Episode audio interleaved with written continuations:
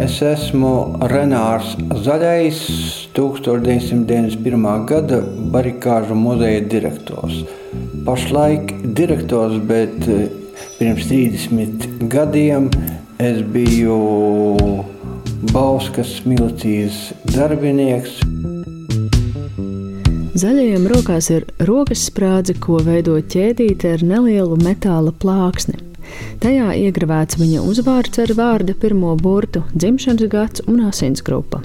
20. janvārī viņam tā bija ap roku. Barikāžu la laikā skanēja aicinājumi cilvēkiem nesāt līdzi zīmītes ar savu asins grupu, jo barikādas Tā bija nopietna lieta, un neviens nezināja, kā viņas var beigties. 13. janvāra naktī bija notikusi asins izliešana Viļņā, kur padomju armijas uzbrukumā televīzijas tornim gāja bojā 14 civiliedzīvotāju un vairāk nekā 200 tika ievainoti. Bija bažas, ka līdzīgi notikumi varētu atkārtoties Rīgā. Un tāpēc um, veidojās medicīnas punkti Domu baznīcā atradās lazarete, lai varētu neatliekamo palīdzību sniegt ātrāk uz vietas, ja kas atgadās. Medicīnas punkti vēl bija daudzās vietās. Zaķu salā medicīnas punkti, tāpat tās ministru kabinetā. Un daudziem cilvēkiem kabatās bija zīmītes, kurās uzrakstīta gan asins grupa, gan cilvēku vārds un uzvārds. Zaļajam pašam gan aprots ar asins grupu nenoderēja.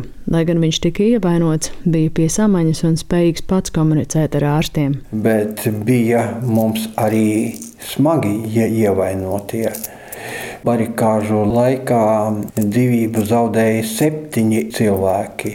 Un ievainoto skaits eh, Latvijā bija vairāk nekā 20, gan ar ložu ievainojumiem, gan savādāk sasisti. Domājot par zīmītēm, kuras kabatās lika barikāžu dalībnieki, Renārs Zaļais atceras kādu stāstu par tukumnieku, kuru viņš pats satika jau pēc barikādēm. Zaļais vairs neatminas Sirmā kunga vārdu, bet zina, ka tobrīd viņam bija apritējuši apaļi simt gadi. Barikāžu laikā viņam bija tuvu pie 90. Tas cilvēks pirmās Latvijas brīvvalsts laikā bija izmācījies par juristu, pēc tam atradās izsūtījumā, piedzīvoja visas padomu laika represijas, un viņš ļoti labi saprata, kas varēja notikt, ja Latvija netiks nosargāta.